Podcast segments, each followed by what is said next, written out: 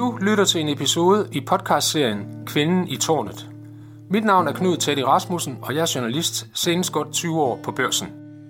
I de første fem episoder talte vi med kvinder, der har arbejdet sig helt til tops i henholdsvis erhvervslivet og i politik. Men der findes også kvinder, der vælger en helt anden vej til toppen. De starter simpelthen for sig selv og bliver dermed deres egen chef fra dag 1. De bliver iværksættere eller kvinder i eget tårn, hvis man kan sige det sådan.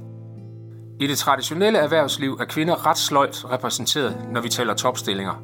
Og det samme gælder, når man ser på andelen af kvinder, der vælger at blive iværksættere. Her ligger Danmark meget tæt på bunden, når man sammenligner med en lang række lande i og uden for Europa. Men der er selvfølgelig undtagelser, og det er en af dem, du kan møde i denne episode af Kvinden i tårnet. Hun er født i 1998 og er altså stadigvæk ung. Men allerede som 17-årig havde hun sparet halvanden million kroner sammen og startede kosmetikfirmaet Noble Nordic. De 1,5 millioner havde hun tjent ved at lægge videoer ud på YouTube. Her fortæller hun om stort set alt, hvad der sker i hendes liv, og hun er i dag en af landets mest succesrige influencer.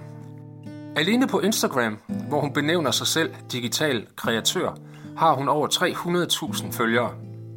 Så hendes ene brand eller mærkevare er altså kosmetikfirmaet Noble Nordic, og det andet og langt mere indbringende er hende selv og hendes personlighed. Navnet har du måske allerede gættet, hvis du følger hende på YouTube eller har set hende i tv-programmer som Vild med Dans, Kender du typen eller Over Atlanten. Det er Julia Sofia Åstrup, eller Julia Sofia, som hun kalder sig på YouTube. Men bare Julia er helt fint, siger hun. Så Julia it is. Og vi starter med at spørge hende, hvorfor hun har sagt ja til her og fortælle, hvordan hun driver sin forretning med sig selv som eneejer og chef? Jeg har sagt ja, fordi at øh, jeg for det første blev meget sådan øh, beæret over, at I havde lyst til at, at snakke med sig som mig. Øh, jeg oplever tit, at, øh, at det, jeg laver, ikke bliver taget sådan super seriøst. Øh, især af sådan øh, meget, nu siger jeg, voksne mennesker. Og der kan der oftest godt blive set lidt ned på os øh, unge YouTubere. Øh, og det er sådan en af mine helt store sådan, hjertesager at prøve at bryde lidt med, med den her øh, idé om, at, at vi kun laver lol på internettet. Men at der faktisk også er noget lidt mere sådan dybt og nogle... Øh, hvad kan man sige, nogle, nogle budskaber bag og sådan noget, som kan gøre en forskel. Men jeg startede faktisk med at se YouTube-videoer, da jeg var 8 eller 9 år gammel. Øhm, jeg voksede op ude på sådan en, en gård i sådan et familiekollektiv, øhm, hvor vi øh, hverken havde Disney Channel eller Nickelodeon eller nogle af de der sådan, børnekanaler. Øhm, så, så jeg begyndte meget hurtigt at se YouTube, og så blev det ligesom hele min verden. og mine sådan, største idoler, det var øh, altså YouTubere, det var ikke øh, sportsstjerner eller musikere eller skuespillere, det var, det var folk, som jeg så online. Øh, og det tror jeg allerede som 12-årig eller sådan noget, jeg begyndte at fantasere om selv at prøve at blive en del af den verden. Øh, så jeg, jeg plagede min mor virkelig længe, om jeg ikke måtte starte. Og hun var sådan, uh, du skal passe på, du får meget hate, og sådan, man skal ikke lægge sig selv derude. Og sådan. Øh, så da jeg blev 15, fik jeg endelig lov, øh, og startede så en lille, en lille hygge YouTube-kanal, og det var på det tidspunkt... Øh, var det absolut ikke med ambitionen om, at det skulle blive stort, og man skulle blive kendt, og man skulle lave vild med dans, og alle mulige vilde ting og sager. Øh, fordi sådan, den mulighed eksisterede slet ikke dengang. Øh, Hvordan øh, eksisterede ikke? Jamen fordi, at, at da jeg startede, jeg tror virkelig, den største YouTuber havde sådan noget to eller 3.000 følgere, måske fire. Altså, så, så YouTube var jo slet ikke etableret i Danmark. Øh, og jeg overvejede også længe, om jeg skulle starte en kanal på engelsk, for jeg tænkte, sådan, så kunne jeg lige pludselig være en del af, af det marked og sådan noget. Øhm, men endte med ligesom at sige, jamen, så kan jeg starte på dansk, øve mig lidt, og så bevæge mig videre til noget mere internationalt. så kom jeg så bare lidt videre. Øhm, så jeg tror også, jeg startede YouTube på et godt tidspunkt, hvor at, at man kan sige, det, det var sådan et boost, hvor at der var nok, der så det til, at det gav mening at lave, men at det var stadig så nyt, at der var plads til øh, at komme nogle YouTubere til. Øh, jeg tror, hvis man starter i dag, er det sværere at slå igennem, fordi at, at det er så mere, meget mere nicheagtigt. Øh, hvad startede du med? Altså, du tænker på indholdet? Ja, jamen, altså, øh, primært faktisk beauty. Øh, det var min, sådan, mit store fokus i starten. Jeg lavede videoer om øh, alle de makeup produkter jeg havde brugt op, og hvorfor jeg elskede dem, og øh, makeup looks, og gør dig klar med mig, og anmeldelser på forskellige brands og produkter. Øh, og så blev det lidt mere livsstilsagtigt, da man begyndte at lukke folk lidt mere ind. Øhm, og så startede jeg på gymnasiet, og det var også sjovt at prøve at dokumentere sådan, at gå det der skifte fra folkeskolen til, til gymnasiet. Det dokumenterer du også på YouTube? Ja, ja, helt sikkert. Jeg, jeg, jeg filmede jo alt og lagde alt op, og man kan sige, det var så uskyldigt dengang også, fordi at, at jo, der var måske 10.000, der fulgte med, men det føltes stadig meget intimt. Så det var også mere gratis at dele, følte jeg, fordi sådan, jeg, havde, det var, jeg var måske ikke så investeret i, at, at det skulle blive en fremtid øh, for mig. Øhm, og så ja, så, så nåede jeg at gå halvandet år på gymnasiet eller sådan noget, og fik en bogkontrakt der. Jeg har altid elsket at skrive. Øhm, gik på forfatterskolen, da jeg var lille og sådan noget. Så, og så kan jeg huske, at min dansklærer, øhm, jeg skulle til et, et, et bogmøde med min redaktør, og så spurgte jeg min dansklærer, om jeg må gå sådan den sidste halvdel af modulet. Og hun var bare sådan, nej, sæt dig ned. Øh, hvis du har chancen nu, så har du den også om tre år. Og jeg var sådan, wow, det kan jeg slet ikke være i det her miljø, hvor man ikke får lov at følge sin, sin drømme, fordi jeg gik i klasse med en, en professionel roer, som gik på uh, Team Danmark-ordningen, og fik udskudt afleveringer, og fik uh, lov at gå i skole, jeg tror det var fire år i stedet for tre. Fire år i gymnasiet? Ja, præcis. Og sådan, hvorfor er der ikke nogen Team Danmark-ordning for os i den kreative branche? Um, og så droppede jeg ud og startede, startede selvstændigt, og prøvede ligesom derfra da du så droppede ud, hvad, hvad gik du så i gang med? At skrive, eller? Øh, begge dele. Altså, jeg fortsatte ligesom min, min YouTube-karriere. Øhm, jeg var på det tidspunkt meget overbevist om, at mine forældre ville være meget imod, at jeg droppede ud. Så jeg næsten ikke turde at bringe dem på banen. Øhm, men på det her tidspunkt, der havde jeg også øh, begyndt at tjene så mange penge, at det også økonomisk gav mening for mig ikke at gå i skole. Øhm, Hvad tjente du penge på på det tidspunkt? Øh, på YouTube primært jo. Altså, øh, det, I starten, når jeg lavede samarbejde med virksomheder, så var det sådan noget, jamen, så kunne jeg få 500 kroner og en parfume gratis at tale om den. Ikke? Altså i starten, der, øhm, der kan man sige, hvor jeg ikke havde et, et etableret nok navn til, at virksomheder rakte ud, så kunne jeg enten gøre det, jeg selv rakte ud til virksomhederne og sagde, hey, jeg kan se en værdi i, at vi to samarbejder om et eller andet, fordi at, at jeg rammer jeres målgruppe så præcist, at I måske skulle overveje at lægge nogle markedsføringspenge hos mig. Hvordan kan sådan et samarbejde se ud? Jamen det kan være øhm, et af mine første samarbejder, for eksempel med Librasse. Nu er det så faktisk dem, der har ud til mig, men det kunne også have været omvendt. Fordi Librasse, det er jo øh, bind, og mine følgere er, øh, de er selvfølgelig blevet lidt ældre nu, men i starten var de måske 12-17 år gamle, og det er jo de piger, som for første gang skal vælge det bind-brand, som skal være deres foretrukne. Og i stedet for, at Librasse ligger en tv-reklame i bedste sendetid, betaler kassen for det, og folk måske er ude tisse eller lave kaffe, mens den vises, så kan de i stedet vælge at placere pengene hos mig. Øh, et selvfølgelig lidt mindre beløb, men placere pengene hos mig og være helt sikker på, at, øh, at det, de får ud af det, er øh, hvad kan man sige, lige nøjagtigt den målgruppe, som de gerne vil ramme. Hvad gør du så til gengæld? Men hos mig, der kører de jo ind i et helt univers. Altså, det er jo ikke, jeg er ikke en eller anden reklamesøjle, der står og siger, køb det her brand, eller det her bind brand, fordi det er bare det bedste i hele verden, og det suger bare super meget. Altså, det, det, det er utroværdigt. Øhm, hos mig, der er der en ting er en enkelt video eller et enkelt post, men folk, som følger med længe, har jo set måske 100 eller 200 af mine videoer, og de kender mig, de ved, øh, hvad jeg spiser til morgenmad, de ved, hvad mine forældre hedder, de ved, øh, hvad jeg craver, når jeg har min menstruation. Altså alle de her ting og sager, som, som de øh, også, som også gør, at jeg lige pludselig er en mere sådan storsøsteragtig rolle for mine følgere, og derfor så stoler de på min holdning og min anbefaling, når jeg så men det jeg tænker helt lavpraktisk, om det så er et bind eller hvad det ellers er, mm. hvordan får du det naturligt ind, uden at du kommer til at virke som en reklamesøjle? Øh, det kan vi gøre på mange måder. Men der har vi lavet, min søster er en video, hvor vi har en masse øh, ingredienser. Vi har sådan noget øh, rødbedesaft, øh, vi har granatæblekerner, vi har himbær, øh. Og så skal vi så svare på nogle spørgsmål. Vi quizzer hinanden i sådan noget med, hvilket år kom det første bind til G-streng på markedet, eller hvad er bind lavet af, hvilket materiale det er lavet af. Og så øh, med de her spørgsmål, hvis vi så svarede rigtigt, så måtte vi så vælge ingrediens, svarede vi forkert, måtte den anden person vælge en ingrediens, og så blendede vi to røde smoothies, og hældte de her smoothies ud i bindet for at se, hvor godt det absorberede. Meget grafisk, men også en sjov måde ligesom at, at vise øh, bindets, øh, hvad kan man sige, sugeevner. Ja. Har du så frihænder til at gøre det, som du vil, altså fra Liberace i det her tilfælde? Både og, altså man kan sige, de, jeg det er vigtigt for mig, at de virksomheder, som jeg samarbejder med, at de også har sat sig ind i, hvem jeg er, sådan så jeg ikke bliver dirigeret for meget i mit indhold, fordi jeg kender mine følgere allerbedst, og jeg ved, hvad der fungerer. Så for at det skal være mest autentisk og troværdigt, så er det vigtigt for mig, at de giver mig den kreative frihed til at, at lave indhold, der passer. Men ofte så har de jo også en idé om, hvordan de godt kunne tænke sig, at det blev brandet. Så sådan en, en, et samarbejde om det plejer at fungere bedst.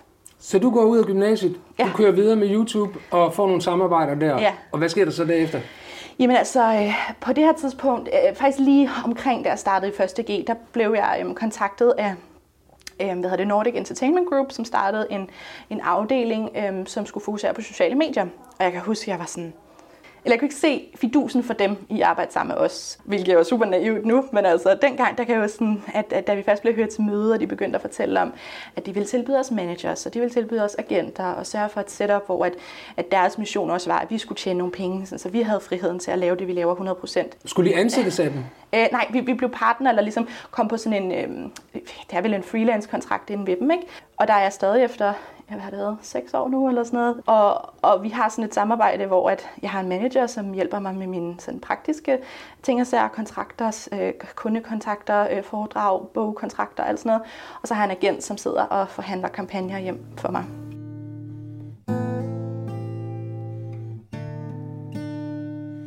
Som så mange andre unge begyndte Julia i gymnasiet.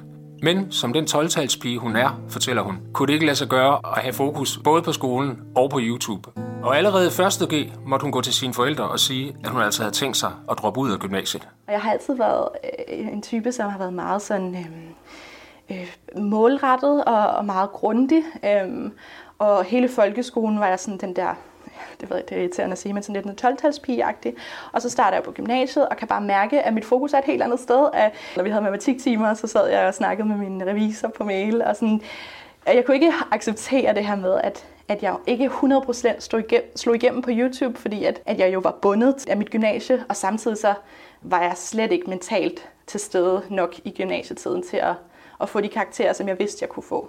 Du var lidt nervøs for, øh, hvad dine forældre ville sige, når ja. du meldte, dig ud af gymnasiet. ja. Hvad sagde de så? Jamen, de var faktisk overraskende støttende. Øhm, jeg kommer selv af sådan en, øh, en familie, hvor der brænder en stor øh, iværksætterånd. Øhm, min mor fik mig som 21-årig, og året efter startede hun selvstændig, og, og i dag så driver min mor og min mor fælles en skole med en masse ansatte, og, og min far blandt andet ansat af min mor. Og sådan, så, så jeg, har, jeg kommer fra et, et bagland, hvor at kvinderne har været meget stærke, har slået meget igennem. Øhm, så, så det var dejligt også at mærke, at jeg fik den opbakning. Øhm, især til mine bedsteforældre, synes jeg har været vildt fede omkring det, fordi at de jo netop selv kommer fra en generation, hvor at det var den klassiske vej øh, med skole, uddannelse, familie, arbejde, indtil man så på et tidspunkt kunne gå på pension. Og jeg tror også nærmest som, som lidt et oprør mod, mod den leve, levevej, de har haft, så var de bare sådan, go for it, gør det, øh, undersøg alle dine muligheder, udforsk alt, hvad du overhovedet kan, og så må vi se, hvad der sker. Hvad sagde dine jævnaldrende til, at du gik den vej? Det var sådan lidt sværere, synes jeg, fordi der er rigtig meget sådan socialt og ungdomslivsmæssigt, man jo siger nej til. Øhm, så det gjorde jo også, at fredagscaféer og byture med venner og sådan noget blev sat øh, skubbet til side, for at jeg så kunne være fuldt investeret i, øhm, i mit arbejde. Og så kunne jeg så tænke enkelt holde fri på en mandag eller en tirsdag formiddag. Ikke? Øh, så så det, det var svært at skulle give slip på den del, for så at, at forfølge det andet. Nu går jeg ud fra, at du boede hjemme på det tidspunkt, ja. men hvornår ville du kunne leve af det, du lavede? Altså, vi har haft sådan en tommelfingerregel, og jeg er slet ikke sikker på, at den tæller længere, men i starten der lød den sådan lidt, når man har omkring 70.000 følgere, så er dit brand stærkt nok til at så stå på egne ben, og så, så er indtjeningen også der, hvor hvis du laver et enkelt, to eller tre betalte samarbejder om måneden oven i din YouTube-indkomst, så, at, så er man sikret en sådan en pæn månedsløn, som gør, at man kan leve af det. Okay, du får øh, nogle penge af Libras for at gøre det, du lige har mm. Øh, men så er der også nogle andre indtægter fra reklamer ja. på, på din uh, YouTube. Altså, jeg ser min YouTube-indtægt delt op i tre dele. Øhm, og nu siger jeg YouTube, det er selvfølgelig alle sociale medier. Jeg har også en Facebook-side, jeg har også Instagram-side. Men, men alle mine sådan, sociale medieplatforme, de giver mig indtægt på tre forskellige måder. Så det ene, det er på YouTube for eksempel, det er, det er de øh, banner, som ligger, når du ser en video, det er de der 5 sekunders video, du skal klikke væk fra, inden du kommer ind på en video. Øhm, og, og hvis en video er mere end 10 minutter lang, så har jeg selv mulighed for at lægge det antal reklamer på, jeg har lyst til. Så hvis man totalt øh, overpropper sine videoer med reklamer, så er det klart, så tjener du flere penge. Jeg har gået fra sådan en mere sådan en øh, cirka 20-25% af mine videoer bliver ramt af reklamer. Resten er gratis at se, eller sådan skal folk ikke forholde sig til reklamer, fordi i mit hoved der er YouTube også et gratis medie, og det skal det blive ved med at være. Øhm, så, så det er kun reklamer i begyndelsen og slutningen, eller hvad? Ja, sådan noget der. Banner, det kan også være ved siden. Øhm, det, det, det varierer lidt. Øhm, og, og, og man kan sige, ja, der er en indtjening der, men den er ikke kæmpestor. Øhm, jeg tror, man plejer at sige, at det er omkring 10.000 kroner per 1 million visninger, du genererer. Så du skal alligevel op og lave forholdsvis mange visninger om måneden, hvis du godt kunne tænke dig at leve alene af det. Øhm, og så en anden ting er jo så, ud over de her AdSense-penge, det er så betalte samarbejder, det er øhm, at, at lave øh, en, en videopost, eller hvad det nu må være med en virksomhed, og få det en det, betaling for, for det, du nævnte før med med Libras? Libras, det, lige præcis. Øh, og så en tredjedel af det er jo så det, der ligesom øh, ligger omkring det, der er blevet affødt af, af ens sociale medier tilstedeværelse. Det er foredrag, det er bøger, det er tours, det er merch, hvis man laver det. Øh, alle de andre ting omkring, det kan jo ligesom også være med til at skabe en indtægt. Ikke? Så sådan, YouTube er skidesvært, fordi det, du har jo ikke en fast månedsløn. Øhm, det har jeg så nu, fordi jeg jo ligesom kører, kører det hele gennem min virksomhed, og derfra lønner mig selv fast. Men, men før det, der, der kunne det jo variere med nærmest flere hundrede tusind om måneden, ikke? Øh, ens indtægt. Så man skal også have tungen lige i munden, når man så øh, ligesom behandler hele den, den økonomiske del. Hvornår starter du dit første firma? Og var det for at styre alt det der YouTube? Altså, øh, det bedste, jeg nogensinde har gjort i min karriere, det har været at få en revisor. Øh, jeg øh, har den bedste revisor i hele verden, som, øh, som, som er sindssygt dygtig også til at, at, at undersøge forskellige muligheder for, for mig, fordi at, at, at det er sådan lidt en sjov øh, branche, og lidt en sjov øh, titel, jeg har, og derfor så kan man, noget kan trækkes fra, og noget kan ikke, og, og så er jeg lidt en entertainer, men jeg er også lidt et brand, og det, det er super mærkeligt. Øh, så, så han har ligesom hjulpet med at sætte det ordentligt og professionelt op. Så jeg tror, jeg startede, øh, fik mit første CVR-nummer i 2016. Du sidder ikke selv og ruder med regneark og sådan noget? Jo, det gør jeg så også, fordi at jeg kan så også, altså, jeg kan godt lide også at have fingrene ned i det. Det giver mig en, en god fornemmelse af at være forbundet med det, jeg laver. Så, så jo, altså, jeg, jeg, jeg bogfører for eksempel selv, hvilket stadig den dag i dag er en lidt en udfordring for mig, fordi mig er tal. Øh, men, øh, men nej, men jeg, altså, sådan, det er bare vigtigt for mig, for man kan hurtigt komme ud i alt muligt. Jeg tror, vi har alle sammen hørt om eksempler på, på mediepersonligheder, som er blevet ramt på den ene eller anden måde, fordi at de har øh, ikke haft, haft ordentligt styr på, på økonomien og trukket forkerte ting fra. Og, sådan, og, og det er ikke mit ønske herinde der. Så, øh, så der har det været vigtigt.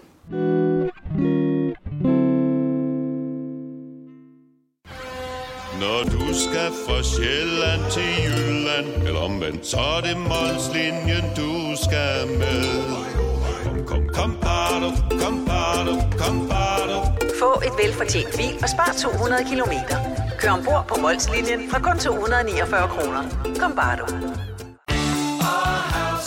I Bauhaus får du nye tilbud hver uge. Så uanset om du skal renovere, reparere eller friske boligen op, har vi altid et godt tilbud.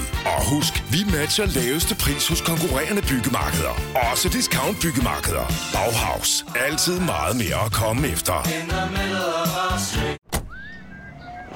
at du på udkig efter en ladeløsning til din elbil. Hos OK kan du lege en ladeboks fra kun 2.995 i oprettelse, inklusiv levering, montering og support. Og med OK's app kan du altid se prisen for din ladning og lade op, når strømmen er billigst. Bestil nu på OK.dk.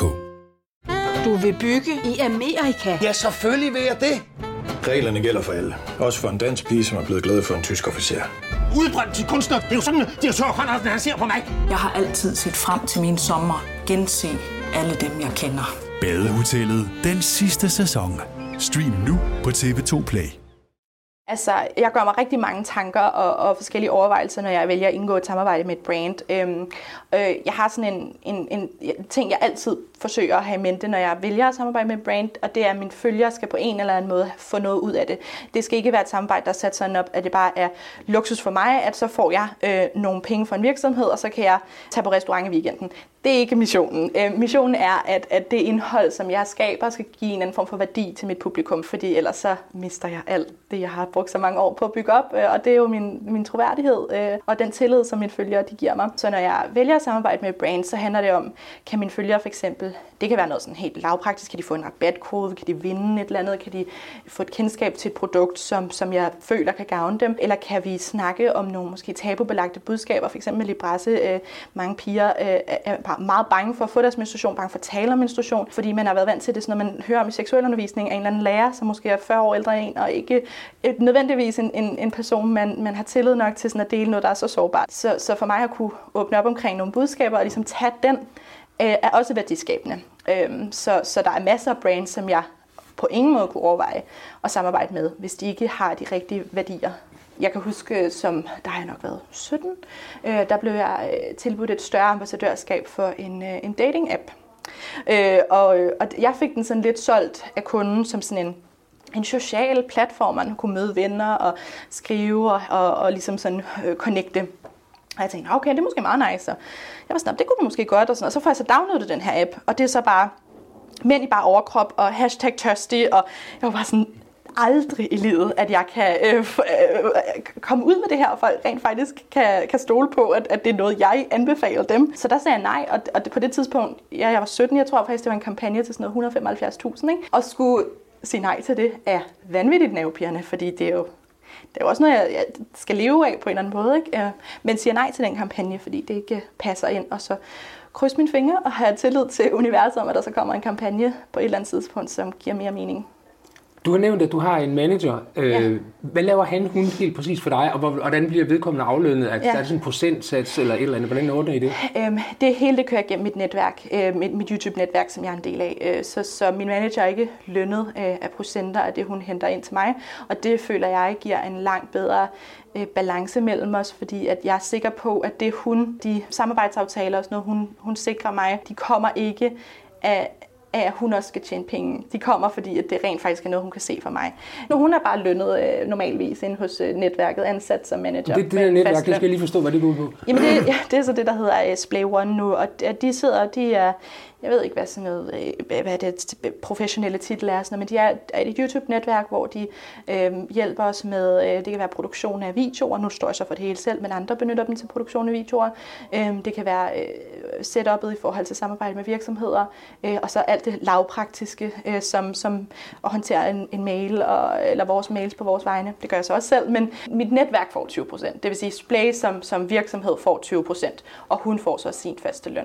Så hun er ikke øh, procentmæssigt lønnet af noget af det, jeg tjener. Og det giver for mig en større tryghed i, at hun ikke guider mig i en retning for egen gevinst. Øh, det gør, at jeg har langt større tillid til hende. Ikke? Hvornår fik du den manager? Øh, øh, nu har jeg så haft tre forskellige. Hvornår fik du din første manager? Min første manager, jamen det var, der, det var mit første, det var i 2014. Jeg har jo også en tv-agent, for eksempel, som booker alle mine tv-jobs, ja. og hun tager øh, et sted mellem 10 og 20 procent af alle mine tv-jobs. Mm. Så man kan sige, hun har jo en større aktie i at sælge mig ind til en masse, fordi ja. det er det, hun tjener sine penge på. Hvor at, at med min manager nu, som, som jo bare er fast aflønnet, gør også, at, at jeg, jeg ved, at det, der kommer igennem, det er også noget, hun kan stå inde for, og ikke bare for at tjene penge. Så hvor mange managers har du det hele taget lige nu? Um, jeg har en fast agent, uh, en YouTube-manager og en uh, TV-manager, og så har jeg min mor, som er momager. som 17-årig havde Julia været i gang på YouTube i en 2-3 år og tjent gode penge. Faktisk så gode, at hun kunne starte sit eget kosmetikfirma Noble Nordic. Men først var hun lige en lille omvej omkring et svensk firma, hvis produkter skuffede, så hun var nødt til at fyre dem. Jeg blev tilbudt et samarbejde med en et svensk virksomhed, øh, som gør det rigtig godt, men er ikke super stærke på beauty. Øh, og de, de kontaktede mig og spurgte, om jeg ville lave en serie af lipglosser sammen med dem. Øh, og jeg sagde, det kunne måske godt være, og så begyndte vi ligesom at, at teste det ud, og jeg fik nogle samples hjem, og, og, og kvaliteten var bare slet ikke der, hvor den skulle være. Og jeg fik lige pludselig sådan en helt øh, øh, angstfølelse over det her med, at min, mit navn skulle være på nogle produkter, som jeg ikke kunne stå inde for. Nu sagde du samarbejde. Betyder det, at at de laver et produkt, og ja. så kommer dit navn på simpelthen? Ja, og så får, så jeg kan ikke huske, hvad jeg få for det, 15 eller 20 procent af salget. Ikke? Mm. Øhm, Ja, så, Nå, men det var ikke i orden, det produkt? Det var det absolut ikke. så jeg tror, efter et halvt år eller sådan noget, der måtte jeg tak pænt, tak, øh, nej tak. Øh, og, og så, så begyndte jeg ligesom at undersøge mulighederne for at starte mit eget. For ja, nu var den her gnist jo ligesom tændt i mig, som jo var, at jeg havde lyst til at, at producere nogle, nogle beautyprodukter, som fordi jeg jo altid har elsket beauty, og det har været en rimelig sådan stor del af mine kanaler og mine platforme, så Øh, selvfølgelig også, at det var øh, passende i mit univers, ikke? Øh, fordi jeg, har, jeg arbejder sådan lidt med sådan et øh, skønhedsparadoks, som jo lidt er sådan, elsk dig selv, øh, det er den røde tråd i alle mine videoer, det er, føl dig godt tilpas i din egen hud, stol på, at du er god nok, som du er i den her verden. Samtidig med, det er okay at elske skønhed og beauty. Det er okay at forkæle sig selv. Det er okay at udtrykke sig selv på mange forskellige måder gennem make-up'en. Make-up'en er ikke noget, man behøver at gemme sig bag. Det er noget, man kan udtrykke sig selv igennem. Så sådan, på den måde, og med, med den filosofi, vil jeg så gerne starte det her beauty brand. Øhm, du fyrede svenskerne, fordi det var noget skrammel, de Ja. lavede. Og, og hvad gjorde du så derefter? Jamen så, øhm, så jeg, på det tidspunkt, der havde lavet jeg en, en smykkekollektion sammen med et dansk brand, der hedder By Biel, som er vanvittigt sej. Og vi lavede øh, fem halskæder sammen, og øh, så sad jeg og drak en kop kaffe med hende, og lufter ligesom mit ønske om at starte selvstændig med noget, øh, med noget skønhed. Og så siger hun sådan, "Jamen, jeg tror faktisk, der er en mor i min datters klasse, som laver noget med skønhed. Giv hende et kald. Øh, og jeg tager derop, hun bor i sådan et, nærmest et slot øh, i Charlottenlund, og jeg sad der på hendes marmorbord øh, og spiste mandler, og øh, hun anede ikke, hvem jeg var. Det var en super akavet oplevelse for alle. Øh, men, øh, men begyndte ligesom at fortælle hende om min tilgang til makeup og, og hvorfor det var, jeg ønskede ligesom at lave de her produkter. Øh, og hun fangede lige med det samme, og vi blev et sindssygt godt match. Øh, og hun er så en altså private label på øh, makeup. Så hun øh, havde kontakter til en masse forskellige øh, fabrikker rundt omkring i Det skal du verden. nok lige forklare, det med private ja. label, ikke også? Altså, det vil sige, hvad, hvor, hvor, hvem laver produkterne, og hvor kommer dit navn ind i billedet? Hendes job er ligesom at sætte mig op med fabrikkerne, så hun hjælper med kontakten og formidlingen øh, til de forskellige fabrikker. Hun hjælper med øh, produktudviklingen, fordi hun har stor indsigt fra hendes mange år i beautybranchen. Øhm, og så at hun faktisk står hun også som importør af produkterne. Så nu kan sige, at i dag der får jeg produceret mine produkter øh, i øh, Shanghai, Polen og Italien. Øh, så hun importerer dem, og så køber jeg dem af hende, når de lander på dansk jord. Så Og der det er står dit navn allerede på dem. Ja, ja, ja. ja. Så, så det er ligesom setup'et. Hvad med smykkerne? Glider de ud? Øh, dem har jeg stadig et rigtig godt forhold til. Jeg har et løbende ambassadørskab med dem og har haft det i fem år eller sådan noget hvor jeg snakker om deres produkter. De er sådan et meget miljøbevidst øh, beauty brand, ej, hvad hedder det, undskyld, smykkebrand, som, øh, som producerer smykker af genbrugs, sølv og guld og sådan noget. Så, så det er også noget, jeg har øh, en stor personlig aktie i ligesom at, at, at formidle videre. Hvad indebærer det at være ambassadør for sådan en smykkefirma? Mit setup med dem er, at jeg laver over et år laver jeg seks Instagram-aktiveringer og to YouTube-videoer over et år. Øhm, så der bliver det ligesom fordelt. Men make-up'en, det er jo så 100% mit eget, ikke? Øhm, Ifølge Julia selv er hun noget af en kontrolfreak. Det får man blandt andet et indtryk af, når hun fortæller, hvordan hun har haft fingrene nede i alt, der har med hendes kosmetikprodukter at gøre. Og efter jeg ligesom fik udviklet de her produkter øh, og, og fik dem købt hjem til Danmark, så var det jo så lige pludselig, øh, faktisk før det, så havde jeg lange snakke med nogle bankmennesker, fordi at øh, på det her tidspunkt, der havde jeg sparet omkring halvanden million op selv, øh, og skulle så øh, også ud og hente cirka det samme hos en bank. Da du Øhm, startede med make-up'en. Ja, med make-up'en. Og øh, jeg har været 17 år på det tidspunkt, lige da vi startede. Du stod med Øh, halvanden million selv, da du var 17. Jamen, det, det var så gennem YouTube, jeg ligesom at spare det. Ja. Jeg vil sige, jeg har min mor stadigvæk til den dag i dag min økonomiminister, øh, og øh, jeg har altid haft sådan en, øh, en ting med, sådan, jeg lever for så lidt jeg overhovedet kan privat, og så sparer jeg op i min virksomhed.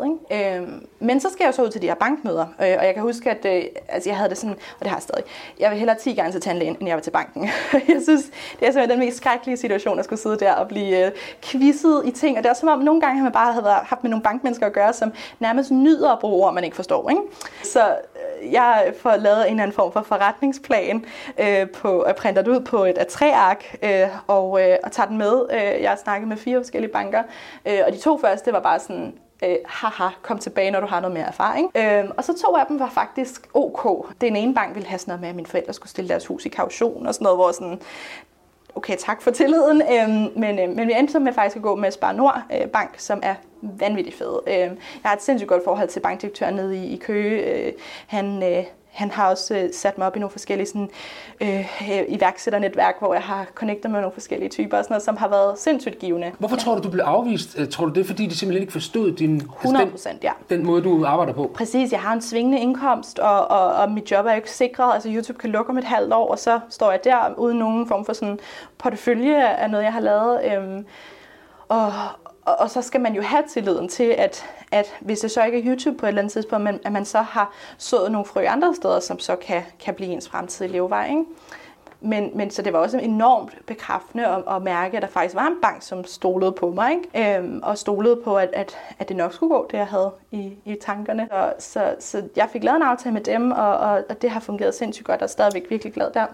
Der står du altså som 17 med halvanden million og skal bruge yderligere halvanden million Ja. cirka. Og det er sådan for at kunne... Ja, at købe produkter hjem. produkter og få, hjem. Ja, det Ja. var jo også alt. Det var jo starten en hjemmeside, og det var jo at få lavet mit logo, og det var at få lavet... Øh, øh, det jo alt fra at sidde og skrive handelsbetingelser på hjemmesiden til at vælge indersiden af farven på papkartongen til min mascara og sådan.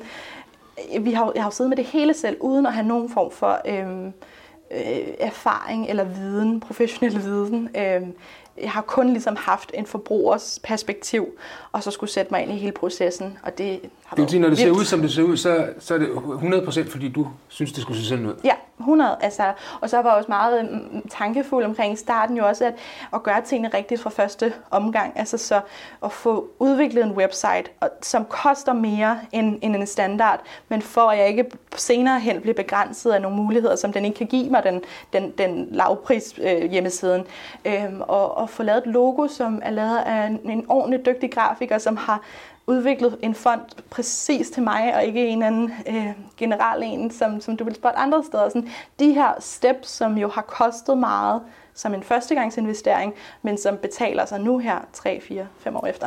Det vil sige, at dit råd er, at hvis du sidder og skal starte et eller andet, som måske kan gå hen og blive stort, så skal Mm. man ikke starte med de billige øh, Nej. gratis løsninger på hjemme. Lav din egen hjemmeside og sådan noget der. Altså, så jeg vil altid sige, gå med det, som du har den bedste mavefornemmelse omkring, og det er jo oftest den, den, den, den dyre løsning, fordi det er, øh, det, det er mere lækkert, og det er mere sådan sikkert på en eller anden måde. Øhm, men samtidig så er jeg også kæmpe tilhænger af den her idé om at, at kaste dig ud i det, prøv, start, mærk det af. Altså, når folk kommer til mig og spørger sådan, uh, jeg vil gerne være YouTuber, men jeg ved ikke helt, hvordan jeg skal starte, og om jeg har heller ikke rigtig noget godt kamera, heller ikke nogen god, noget godt lys eller lydudstyr, og sådan noget, så er jeg bare sådan, film på din telefon, altså, sæt dig under et ovenlysvindue, stable det op på, ja, præcis stable det op på, på, på, på nogle bøger eller et eller andet. Man kan sagtens altså, at mærke det af, finde ud af, om det rent faktisk er noget for dig, før du gør den investering i at, at, at købe det her kameraudstyr, og Øh, nogle gange så kan det jo også gå op for en, at det måske ikke var det. Og så er det ærgerligt at have sat sig selv øh, dybt økonomisk i noget, som, som måske ikke længere er, er det. Julia vil ikke fortælle, hvor meget hun er god for i kroner og øre, men hun afslører gerne, hvor meget hun giver sig selv i løn hver måned. Og det beløb vil nok undre mange. Du står så og starter den der kollektion af makeup. Hvordan sælger du det udelukkende på nettet, eller er det, er det også ude i butikkerne? Øhm, min, jeg har lavet sådan en, sådan en treårsplan til at starte med, som egentlig hed, lød på, øh, at det kun skulle være øh, online. Det er der, jeg selv køber mit beauty. Hele mit univers ligger online, så det gav mest mening for mig. Øhm, men så var jeg bare sindssygt heldig, at øh, jeg tror, vi havde været i gang i ni måneder eller sådan noget. Og så blev jeg kontaktet af både Magasin og Matas sådan nogenlunde samtidig. Øh, og de ville jo selvfølgelig ikke have valgt begge to, så jeg skulle ligesom vælge mellem dem, øhm, og endte med at gå med magasin, fordi at, øhm, jeg føler, at Matas segment er nogenlunde det samme som, som mit. Øh, det er, tror jeg, unge piger, der, der, der, eller unge piger og kvinder, der vælger at købe deres makeup i Matas, hvor jeg følte, at i magasin havde måske mulighed for at nå ud til nogle kvinder, som ikke nødvendigvis forbandt brandet med mig, men som ville støde på det og synes, det var lækkert. Jeg er vildt glad for mit samarbejde med magasin, og øh, nu hedder mit brand jo Noble Nordic, øh, og det var meget bevidst, at det ikke skulle hedde Julia Sofia Beauty eller et eller andet, fordi hvis nu på et tidspunkt, at det skal gå videre til nogle andres hænder, og der er nogle andre, der skal, skal tage det til næste level, så øh, skal det ikke altid være forbundet med mig. Øh, så det hedder Noble Nordic by Julia Sofia. Det på alle mine, for eksempel på mine kartonger, på alle det ydre emballage, står der Noble Nordic by Julia Sofia, men på alle produkterne står der kun Noble Nordic. Øh, så man har mulighed for at skifte, hvis det på et tidspunkt ikke længere skulle være øh, kun mig. Er du i tankerne allerede ved at sælge det? Nej, øh, det er jeg ikke, men der sker jo lidt noget, øh, når man skal til at, øh, at vælge. Fordi jeg er også et sted lige nu, hvor jeg har rigtig svært. Jeg løber sindssygt stærkt for både at nå mit, mit YouTube online personligheds øh, virke, og også det her sådan iværksætter øh, brand øh, person ting, jeg prøver at køre. Det, det fungerer ikke altid 100%, fordi at, at jeg har for, for, få timer i døgnet.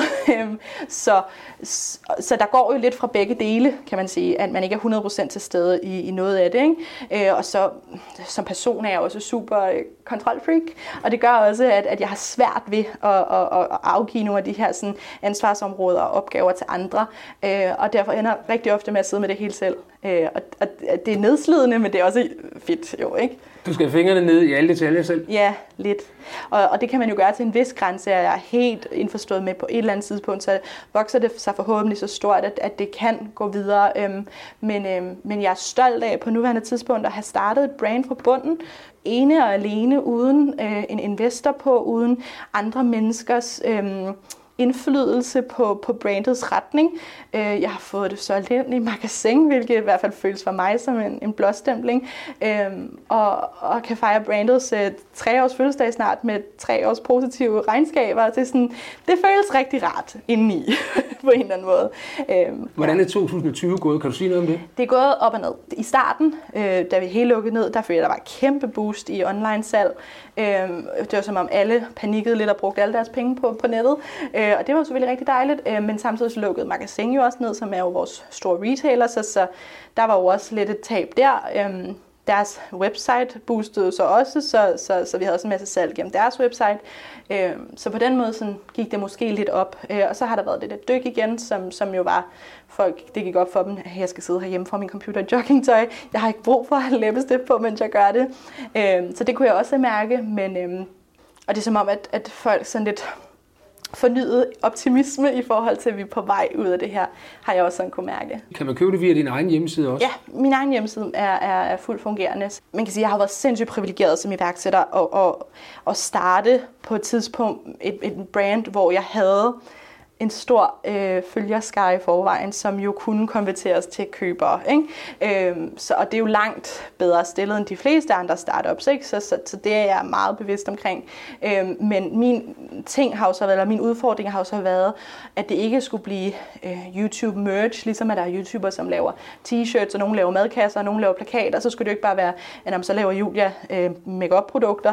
Øh, jeg vil jo gerne etablere mit brand som et stærkt make-up brand, som kunne, kunne konkurrere med de helt store skønhedshuse. Ikke? Øhm, og det fik jeg også bevist. Altså i 2019, der vandt vi en, en Danish Beauty Award for årets forbrugerpris øh, på en læbeolie, jeg har udviklet. Øhm, og det føltes jo også rart at blive anerkendt i, i en mere sådan beautybranche, øh, som, som ikke har noget som helst med mine følger at gøre. Jeg går ud fra, at du vil fortælle, hvad du tjener, vel? Men det, må, det gør man jo ikke i Danmark. Nej. Øh, men, men hvad er mest indbringende? Er det din YouTube-forretning, eller er det din... Øh, det må det næsten ja. være, mere end det er din... Øh, ja, altså Noble Nordic, jeg har ikke, jeg har ikke trukket øh, en eneste løn ud i de 3,5 år, det har eksisteret. Alt, hvad jeg kan beholde i virksomheden, det prøver jeg til at reinvestere. Og så er du typen, der, der sparer sammen og har lidt ja, på bogen til de dårlige tider? Præcis. Altså, jeg lønner mig selv øh, privat 9.000 kroner, ikke? Altså, så... Hvor meget siger du? 9.000. 9.000 mm-hmm. om måneden? Mm-hmm. Er det, hvad du tager ud? Mm-hmm. Løn, løn? Udbetalt, men ja. Udbetalt, ja, ja, ja, ja. Okay.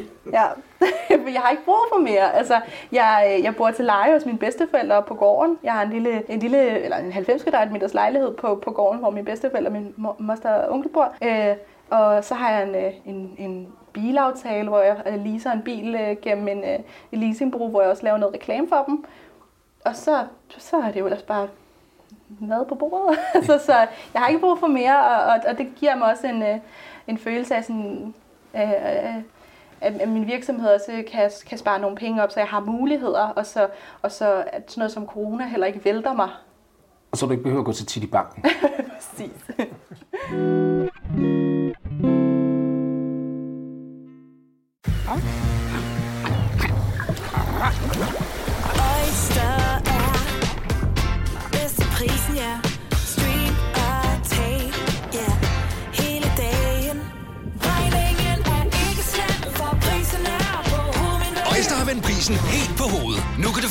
eller 50 GB data for kun 66 kroner de første 6 måneder. Øjster, det er bedst til prisen. Her kommer en nyhed fra Hyundai. Vi har sat priserne ned på en række af vores populære modeller. For eksempel den prisvindende Ioniq 5, som med det store batteri nu kan fås fra lige under 350.000. Eller den nye Kona Electric, som du kan spare 20.000 kroner på. Kom til Åbent Hus i weekenden og se alle modellerne, der har fået nye, attraktive priser. Hyundai. Arbejder du sommetider hjemme? Så er Bog og ID altid en god idé. Du finder alt til hjemmekontoret, og torsdag, fredag og lørdag får du 20% på HP printerpatroner. Vi ses i Bog og ID og på Bog og ID.dk. Vi har opfyldt et ønske hos danskerne, nemlig at se den ikoniske tom skildpadde ret sammen med vores McFlurry. Det er da den bedste nyhed siden nogensinde. Prøv den lækre McFlurry tom skildpadde hos McDonald's.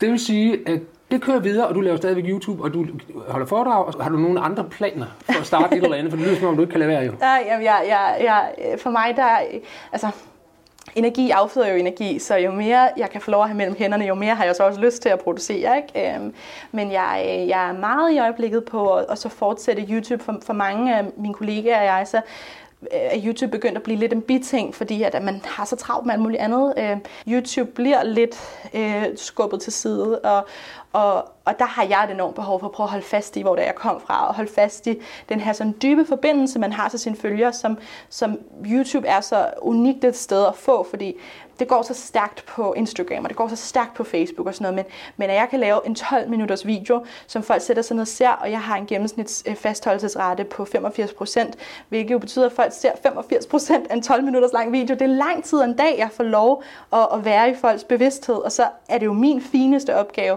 at gøre dem til nogle opløftende, positive, motiverende og inspirerende minutter, som de bruger på min kanal. Som jeg forstår dig, så har du ikke sådan et nyt projekt på vej. Jo, altså, jeg, jeg har jo mange også drømme, og, og, og jeg kunne rigtig godt tænke mig at lave noget mere tv. Jeg har altid haft en ting med, at øh, jeg gad godt være sådan noget Godmorgen Danmark vært. Men det kræver også, at man for det første arbejder hårdt for det. Altså, jeg tror ikke på, at ting bare dumper ned, men jeg tror, at du kan placere dig i et, i et spor, hvor at tingene er mere likely til at ske. Og så gøre sig umage med at, ligesom at prøve at, at vise, at man øh, også kan noget andet, end det man nødvendigvis har startet med. Fordi, Får du ikke tilbud udefra til om det ene eller det andet? jo, masser, masser. Kan du nævne nogle af de mere vanvittige? er der nogen af dem, der er så vanvittige, at de er sjove at fortælle om? Jamen, nu sidder jeg lige og tænker.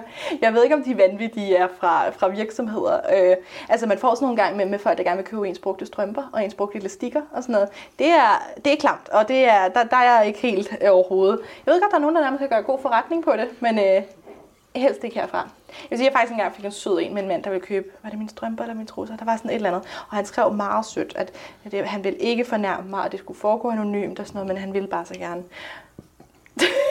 ja, det er voldsomt. Men, men som sådan uh, virksomheder, øhm, nej, jeg, jeg, der, jeg tror, øh, altså, så, så er det bare fordi, det er noget, jeg ikke kan se mig selv i. Øhm, og så kan det være skønhedsoperationer for eksempel, øh, som, som tilbyder filler eller rest, øh, Restylane. Er det det samme filler Restylane? Jeg har ikke fået lavet noget, så jeg ved det faktisk ikke helt. Men folk, der tilbyder sådan noget, hvor jeg tænker, det er heller ikke det budskab, jeg ønsker at udsende. Øh, og det skal ikke være standarden for skønhed inde på min profil, at man skal have lavet det. Øhm, Og det strider vel lidt mod dit, Ja, ja, øh, min- dit mantra om, øh, om øh, at være dig, være dig selv, ikke? Præcis, jo, præcis. Så, så sådan noget øh, er er et klart nej. Øh, jeg ved slet ikke, om det her er i samme tråd med det, du lige sagde, men, men en vigtig ting for mig er også det her med sådan at sørge for at sende folk videre, hvis mine kompetencer ikke når til at kunne hjælpe folk, fordi jeg får også mange øh, meget sådan øh, dybfølte beskeder og meget personlige beskeder fra folk, som kan være vidderligt alt fra at have fået delt et seksuelt billede, øh, eller måske selvmordstroet, eller øh, kæmper med spiseforstyrrelser og alt sådan noget. Øhm, og der har jeg også nogle klare sådan, øh, handlepunkter for, hvordan jeg sender dem videre til de rette organisationer, så der kan hjælpe. Ikke? Øh, fordi det er sådan der, hvor det bliver svært, det her med, sådan, hvad for et ansvar man har, når man er øh, rollemodel, eller hvad fuck vi kommer til at kalde det. Ikke?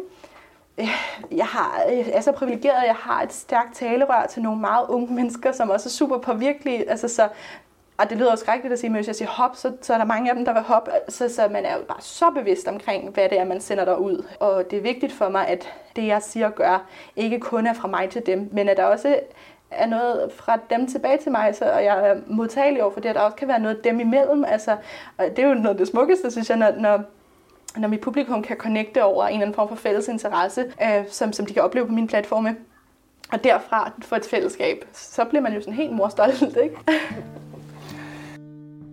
Udover at være rollemodel på andre fronter, kan man sige, at Julia også er det, når hun står frem og fortæller, at hun har lidt meget af angst. Noget, som man måske kan have svært ved at forstå, kan forenes med det meget udadvendte arbejde, hun har.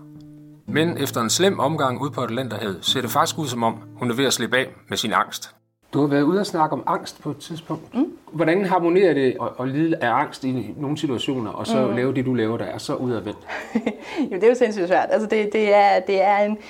Altså, det var før en daglig kamp, øh, fordi at min angst førhen opstod ofte i situationer, hvor jeg var ude og skulle møde øh, en masse følgere på en gang. Ved min første bog, der var jeg på sådan en bogtur, hvor vi på et tidspunkt var i Frederiksbergscenteret, og jeg var booket til halvanden time, og jeg tror, vi endte med at stå der i fem og en halv time, eller sådan noget, fordi der var så mange mennesker. De stod, altså, jeg tror, der har været der var ikke 1500 eller et eller andet sindssygt antal mennesker. Som, og, og, og når jeg møder folk i virkeligheden, så skal de så, så er det så vigtigt for mig, at de kan se, at jeg er den person i virkeligheden, som jeg også er på skærmen. Og derfor så øh, går jeg meget op i at give folk godt indtryk. Altså, øh, give dem et kram, øh, have tid til at tale med dem, øh, tage et ordentligt selfie, komplementere deres telefonkopper, hvad det nu må være, sådan, så de går derfra med en god følelse i maven. Øh, og det kræver også rigtig meget af en. Øh, og man går til sidst lidt i sådan en zombie-tilstand. Øh, og, og, og det har været sådan noget, der, der har trigget min angst helt vildt. Øh, man kan sige, mine følgere kender jo mig, så de ved, hvad jeg får til morgenmad, de ved, hvilke bind jeg bruger. De, de kender jo mig rigtig godt, men det er jo ikke altid, jeg kender dem.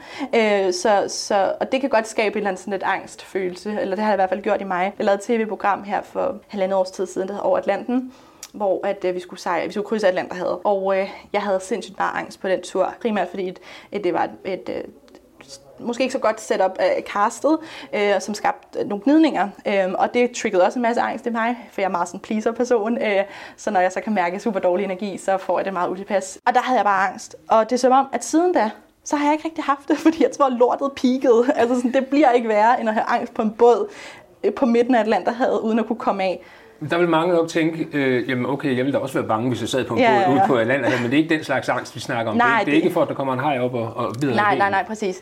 Nej, det er jo sådan en, altså sådan, hvad, jeg tror, at det hver femte unge menneske, unge, unge menneske har angst i dag. Det er jo, det er jo skræmmende, ikke? Øh, og jeg har også prøvet at få øh, masse hjælp, altså psykolog, psykologsamtaler og øh, hypnose og alle de der ting og sager. Det er jo alt sammen noget, som, som har hjulpet helt vildt meget, som jeg er så glad for at have, have mulighederne for at kunne gøre for mig selv. Øh, har du oplevet undervejs nogen, der så ligesom har ondt af, at du øh, har den succes, du har? Ja, det har jeg, men faktisk aldrig fra mine egne følgere af. Altså, øh, jeg har øh, meget stærke følelser omkring, at, at unge mennesker i dag får så mange hug for at være dårlige til at begå sig på sociale medier, øh, dårlige mennesker, øh, unge mennesker, som kun spreder øh, had og dårlig energi, og, og, og min oplevelse er bare så anderledes. Altså, alle de mennesker, der nogensinde har efterladt grimme beskeder, øh, hadfulde beskeder, øh, øh, altså trusler, hvad end det nu må være, øh, det er alt sammen, det er tageligt at sige, men det er alle sammen middelalderne eller ældre mennesker, som heller ikke kan finde ud af at bruge sociale medier.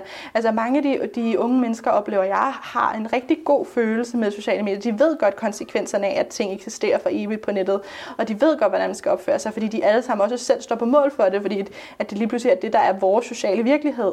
Øhm, så, så jeg oplever slet ikke den der sådan negativitet på samme måde for unge, som jeg gør det fra ældre mennesker. Det er også som om, at mange af de unge har jo også taget en aktiv beslutning om at gå ind og og følge mig. Altså det, de har ikke scrollet på et fjernsyn og stødt på mig, eller altså de har, de har søgt på mit navn, de har gået ind og de, de vælger at sætte sig ned og se mine videoer.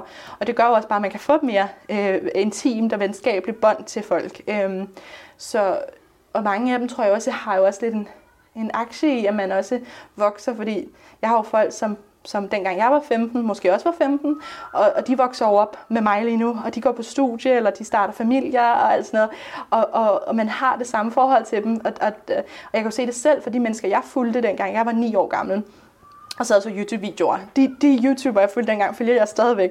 Og de laver videoer nu, som er sådan noget, hvad er der i min pusletaske? Eller en dag med mig til baby yoga og sådan noget. Og jeg elsker at følge med, fordi jeg er så dybt investeret i dem som mennesker. Nu ser du pusletaske. Hvad med børn? Tænker du over det nogle gange? Og så selv at skulle øh, inkludere det på, på mine...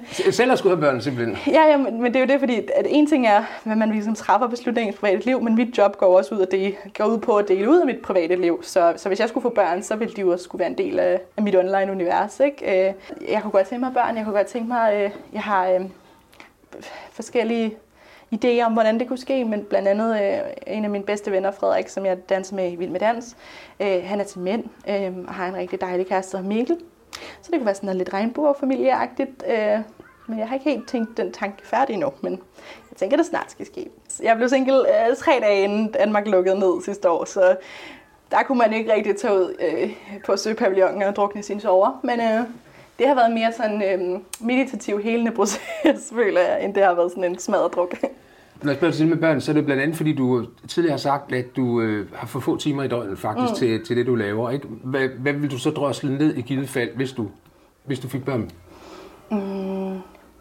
Det kan godt være, nu når du spørger mig, så, så kan det godt være, at jeg sidder og tænker, at jeg måske altid har været lidt for naiv i tanken om, hvordan det vil være at få familie samtidig med arbejde. Fordi det er så vigtigt for mig, at børn ikke bliver en... øh, At man ikke sætter sit liv på hold for at få børn, men at, at det ved jeg, jeg kommer aldrig til at kunne holde 10 måneders barsel helt fri, telefonen slukket, hygge med mit barn. Det, det kommer ikke til at ske. Men man kan jo lave alle mulige andre løsninger. Og om det så bliver, øh, nu har jeg godt ikke en PA lige nu, men på et tidspunkt har jeg haft en PA, så må hun trille en lille tur med baby rundt om søerne, mens man holder, øh, hvis man optager podcast Altså en- med en jer. personlig sådan noget. assistent? Ja, lige præcis. Der har jeg sådan, det, det må simpelthen ikke være en hindring, fordi jeg har et kæmpe, kæmpe ønske om at stifte familie, og jeg har et kæmpe ønske om at blive mor.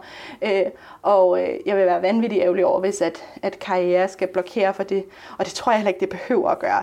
Jeg har jo mulighed for at indrette og tilpasse mit arbejde efter øh, mit private liv også. Øh, og mit arbejde er jo også mit private liv. Altså, når, Ja, er din, din, din graviditet og din, dit barn vil så blive en Præcis. del af din YouTube, kan man sige. Ikke? Præcis, ja. ja. Så, så jeg er egentlig sikker på, at det godt vil kunne lykkes på en eller anden måde. Men, øh, men altså, Personligt har Julia ikke mærket meget til de oplevelser, som mange kvinder har beskrevet i forbindelse med MeToo-bevægelsen. Men hun er godt klar over, at der er kvinder, der er udsat for ting, og hun mener, at der skal råbes op. Også selvom hun for nylig har haft diskussioner med en lidt ældre kvinde, som hun beundrer meget, men som ser helt anderledes på tingene, end hun selv gør. MeToo. Mm-hmm. Har du mærket ubehageligheder Mm. undervejs? personligt for mig ikke rigtigt, øh, men jeg tror også, at jeg omgås jo også med nogle mennesker, som øh, er super selvvalgt og ikke... Øh, der, jeg arbejder jo ikke med mennesker, hvor vi sidder i den form for sådan arbejdshierarki. Øh, vi jo alle sammen har tilvalgt hinanden, og det gør jo også, at der er ikke de der sådan udfordringer med at være kvinde under en mand, eller hvad der nu måtte opstå. Ikke? Øhm, så, så på den måde tror jeg, jeg er en lille smule beskyttet. Øh, men, men jeg synes, jeg oplever det en gang imellem, sådan, øh, når jeg bevæger mig mere ud i den der sådan, tv-mediebranche. Jeg tilhører jo også en generation, som jo er med til at prøve at gøre op med nogle af de her øh, øh, ting altså, og sager. Sådan, Jeg, jeg havde en rigtig god snak med øh, en rigtig dygtig øh, erhvervskvinde her øh, i fredags, øh, som også er meget anerkendt for hendes øh, øh, liv og alt det, hun har opnået. Og vi var altså på to planeter i forhold til... Øh, til hele den her sådan MeToo-diskussion. Og jeg blev sådan lidt overrasket, fordi jeg, jeg beundrer hende så meget, og jeg har så meget respekt for hende og alt, hvad hun laver. Men, men vi var virkelig forskellige der, fordi i, for hendes, hun er i 60'erne, nej 50'erne, undskyld, hendes perspektiv var jo bare, fuck det, børste af, kom videre, sådan, øh, lad være at gøre big deal ud af det, og sådan, og, og der er jeg jo måske mere på en side, der er sådan lidt sådan, nej, fandme nej, der skal, man skal da ikke finde sig i det. Og sådan, du bliver da også nødt til, hvis du siger noget nu, så gør det, nemmere, øh, gør det det nemmere for din datter og din datters datter. Altså, vi, vi, på et eller andet tidspunkt må det jo høre op, øh, at, at, vi, vi ikke tør, at vi ikke tager kvindernes øh, ord, øh, øh at vi ikke stoler på, at, at kvinderne taler sandt, når de siger, at de har været udsat for noget, der har været grænseoverskridende. Så Hvad vil du sige til, til unge kvinder, som måske vil droppe ud af gymnasiet, men tør ikke sige det til deres Ja, ja. forældre, eller hvad det nu kan være, ikke? Så- Jo. Øhm, jamen altså, jeg har det sådan, at, at vi bor i Danmark, ikke? og vi kan altid gå tilbage og få os en uddannelse. Vi, øh, vi har alle muligheder i verden for at, at, at forfølge vores drømme, og jeg synes egentlig også, at vi skylder de kvinder rundt omkring i verden, som ikke har de samme muligheder, som vi har, og rent faktisk prøve at gå efter det. Og jeg føler også, at man skal, vi skal anerkende, at vi, er, at vi er kvinder af køn, men også prøve at lægge det en lille smule fra os, og ikke lade vores køn være, vores, øh, øh, være noget, der fylder for meget i vores beslutning om, hvad vi godt kunne tænke os i livet, fordi at vores muligheder er lige så store som alle andre, og vi, har, vi kan gribe det, og vi kan tage det lige så vel som en mand kan. Hvis man føler, at man bliver bremset på grund af sit køn, så føler jeg, øh, eller så, så er min tanke i hvert fald bare, at så modbevise dem. Altså så, så vær endnu mere stærk, vær endnu mere hårdfør. Så gå efter det, ikke lad dig holde tilbage. Øhm, Der er jo en del iværksættere, som når de først er kommet i gang, og det kører godt, og som mm. nu for eksempel med din uh, make-up-serie ja. der, som så vælger at tage en bestyrelse ind, mm. men du er mere til at køre det hele selv, som jeg har indtryk af. Altså Ja. bestyrelse for at ligesom Ja. få, få nogle skub, ikke? Jo, altså, helt sikkert. Sådan, Øhm, jeg vil sige, for, for, for mit vedkommende er en bestyrelse ikke lige i pipeline for nu. Øhm, det kunne det sagtens være på et senere tidspunkt, Jeg tror bare, mm, at jeg er stadig der, hvor jeg, jeg har så meget, eller så stort et behov for at være inde over øh, selv. Øhm, Er du kontrolfreak i virkeligheden? Ja, men det synes man. ja, det er jeg. Og jeg tror også, det kommer af, at jeg vokset op på den måde, jeg gjorde med den her øh, familiekollektiv. Vi boede øh, hele mit liv med min mor og morfar, min moster og onkel, min morbror og tante og mine forældre. Og vi har lavet super mange forskellige ting. Altså, min morfar, han er tømmer snekermester, min onkel, han er selvstændig grafiker, min morbror, han er øh, ejendomsmaler. Men på en eller anden måde har vi jo altid kunne benytte øh, os af at, at have et tæt sammenhold. Øh, som min onkel har fx lavet meget af mit grafiske setup. Min morfar har bygget mit turmøbler øh, og setup. Altså, så, så hele ideen om, at vi kan bruge hinanden, tror jeg ligger meget dybt i mig. Og den tager jeg, mig også, eller tager jeg også med mig, når jeg så møder mennesker øh, ude i sådan mit mere sådan, øh, erhvervsmæssige øh, netværk. Øhm, Men derfra og så til at lukke andre fremmede, om jeg så må Ja, sige, ind i din direkte. virksomhed, den, Ja, det, det, det ligger ikke lige for. Nej, det tror jeg ikke. Øh, Måske, jeg ved det ikke, det, det, det, også, det kommer også an på, hvor, hvilken vej ens virksomhed øh, går. Ikke? Fem år fra nu, Mm, jeg tror måske, at jeg er begyndt at bedre kunne fornemme en sådan øh, en 3, 4, 5 års agtig plan, fordi øh, Øh, da jeg startede på YouTube, der havde jeg sådan en tre måneder. Tre måneder var max det, jeg kunne se frem, fordi jeg havde jo ingen idé om, hvilken vej tingene gik. Jeg havde bare en, en drøm om at være tv-vært. Det har været det, jeg altid havde vidst, jeg ville, og det var den vej, jeg var på vej. Men med YouTube, sådan, det er jo hele tiden at træde nyt græs ned. Der er jo ingen, der har prøvet på samme måde det her før. Øh, så jeg, jeg har haft virkelig svært ved at se så langt frem, fordi hvis jeg bare kigger tilbage på, hvad jeg lavede for et halvt år siden, så, så er det ikke i nærheden af det, jeg laver i dag. Og derfor er det svært at se frem. Øh, du starter ikke nyt firma, ligesom nu med, med Nordic. Øh, nej, altså jeg kommer til at tilføje produkter til Noble Nordic. Helt sikkert er ideen, at, at, Noble Nordic skal, skal udvise og vokse. Øh, og så har jeg sådan en lille drøm om at, at, at starte en eller anden form for netværk af unge iværksættere, som det skal absolut ikke være sådan noget business angel-agtig eller, eller autoritetstype eller noget som helst. Det skal være et netværk, hvor vi ligesom alle sammen er på, på lige fod og en samling af unge mennesker, hvor man kan sige, øh, jeg har nogle erfaringer i forhold til, hvordan jeg har startet mit brand. Øh, jeg øh, bevæger mig også i nogle kredse med andre unge mennesker, som også har nogle erfaringer fra at starte deres. Så, så at, at styrke unge menneskers idé om, hvad de godt kunne tænke sig at lave. Hjælpe dem på vej, både rent praktisk, men også en, en følelsesmæssig sådan en støtteperson og sådan noget. Mere end det at komme med, med, med pegefinger og sige, nu Ja, burde du præcis. gøre sådan og sådan. Bum, bum, så er det den. Og jeg tror på, at der er så meget at vinde ved at, at, at slå os sammen. Og så lad os sige, godmorgen Danmark ringer og spørger, om jeg vil være vært, så siger jeg ikke nej. Du har lyttet til en episode i podcastserien Kvinden i tårnet. Konceptet er udviklet i samarbejde med John Robert Christensen, der selv har mere end 20 års ledelseserfaring som direktør i blandt andet Nokia, og senest som administrerende direktør i musik- og rettighedsorganisationen Gramex. Jeg selv er journalist og hedder Knud Teddy Rasmussen. Tak for, at du lyttede med.